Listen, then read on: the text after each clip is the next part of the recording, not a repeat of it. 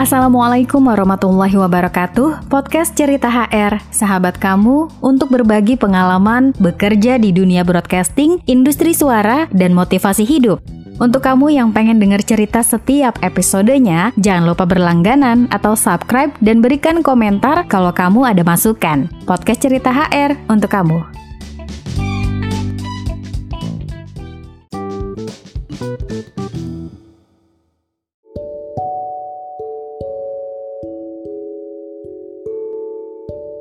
Hai Hana Zens, podcast cerita HR nemenin kamu dengan pengalaman broadcasting dan juga pengalaman di industri dunia suara. Freelancer.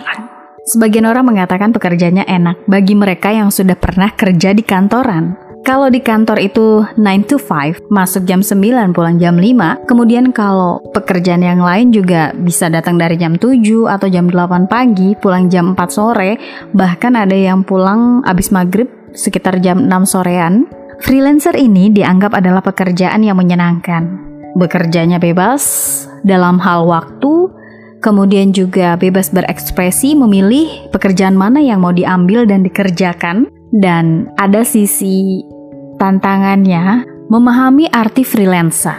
Ana berpikirnya hampir kebanyakan orang freelancer itu enak, bisa dikerjanya kapan aja, terus bisa memilih pekerjaan apa yang ingin digeluti, mendapatkan informasi-informasi dan bisa mengikuti berbagai banyak hal kegiatan. Ternyata nggak semudah itu. Harus ada beberapa hal yang emang harus terima keadaannya. Yang pertama, seorang freelancer itu nggak semuanya dapat fee-nya di depan. Hanya mereka yang berpengalaman dan keberuntungan seorang freelancer mendapatkan perusahaan yang punya manajemen baik, yang punya kesepakatan bahwa selesai bekerja ya hari itu juga dibayar. Dan itu nggak semua pekerjaan freelancer bisa seperti itu. Banyakannya seorang freelancer itu bahkan menunggu dengan waktu yang cukup lama untuk mendapatkan hasil jeripayah atau keringat mereka setelah bekerja. Contohnya di dunia suara yang saat ini sedang Ana rintis. Awalnya tuh agak jenuh ya, maksudnya I need now. Saya butuh sekarang, tapi ternyata nggak bisa seperti itu.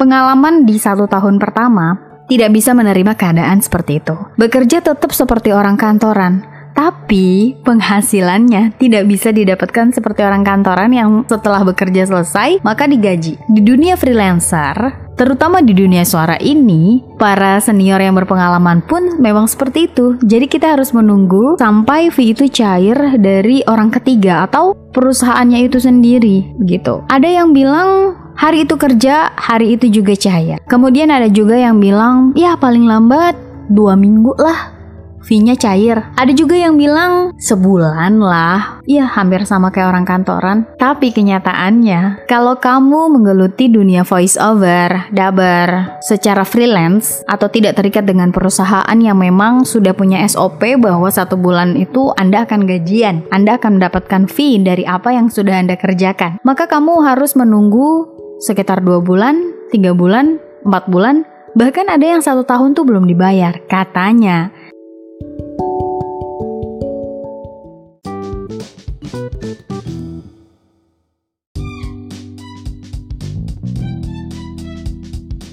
Terima kasih sudah mendengarkan podcast Cerita HR dengan setia. Semoga apa yang dibagikan tadi bisa bermanfaat dan memotivasi kita untuk lebih baik lagi setiap harinya. Saya Hana Ritonga. Wassalamualaikum warahmatullahi wabarakatuh.